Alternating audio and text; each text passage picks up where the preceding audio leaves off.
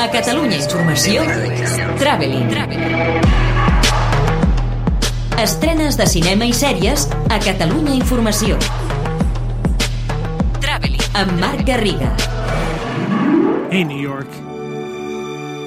HBO is having a hard time uh, explaining what my show is. How to with John Wilson és una petita joia, una docusèrie de sis capítols en format documental, però transformats en una mena de ficció paral·lela pel seu propi director, el John Wilson del títol, que és alhora el narrador, el càmera i, vaja, l'ànima del show. Un producte únic que barreja l'experiment antropològic amb una guia de Nova York feta amb un humor molt particular.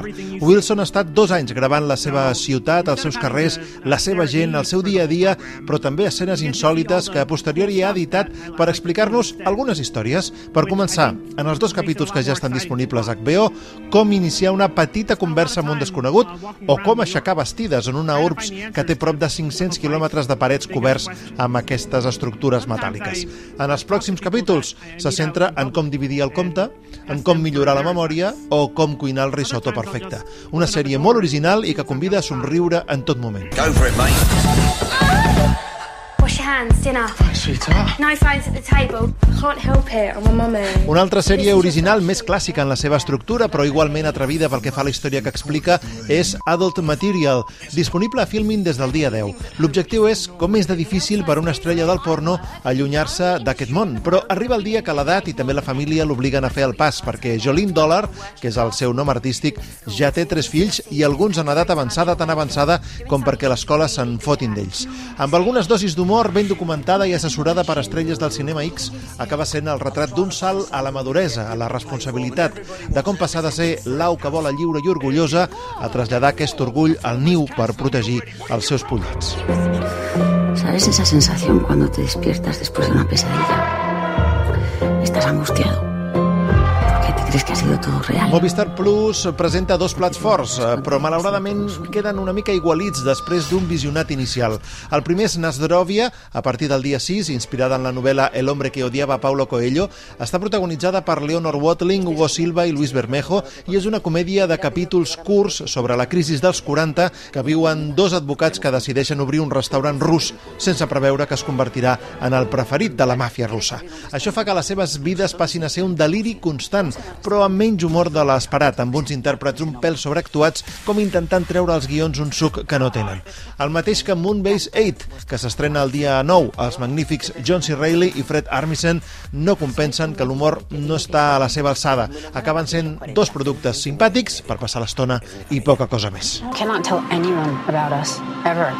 Um, is that a hickey, Claire? HBO aposta per la polèmica amb A Teacher, que s'estrena el dia 11. La sèrie se centra en una professora i la seva relació amorosa malaltissa amb un alumne seu de batxillerat.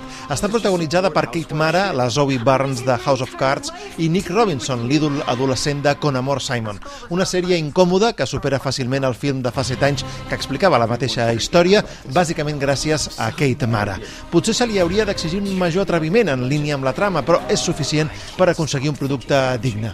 HBO també estrena el dia 10 Industry, que explica la història d'un grup de joves acabats de llicenciar que competeixen per uns llocs de feina indefinits en un banc internacional de Londres, és a dir, com es mouen els fils a les altes finances sense escrúpols, sense límits i amb la màxima ambició. I el dia 7, Romulus, que narra els fets èpics que van desembocar en la fundació de la ciutat de Roma i, atenció, com a decisió coherent amb el temps en què passa l'acció, està rodada en llatí.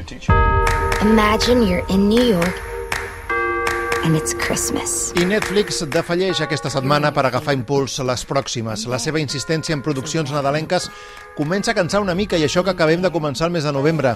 El dia 10 arriba la sèrie Dash and Lily, una comèdia romàntica juvenil sobre un noi i una noia que van intercanviant missatges que deixen en llibres per tot Nova York, plena d'esperit nadalenc, de segones oportunitats, de bons sentiments.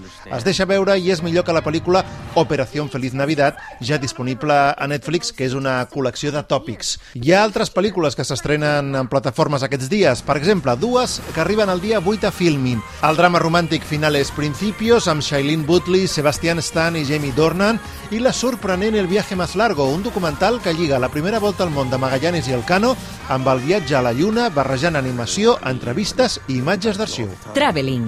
Estrenes de cinema i sèries a Catalunya Informació. Amb Marc Garriga. Lily?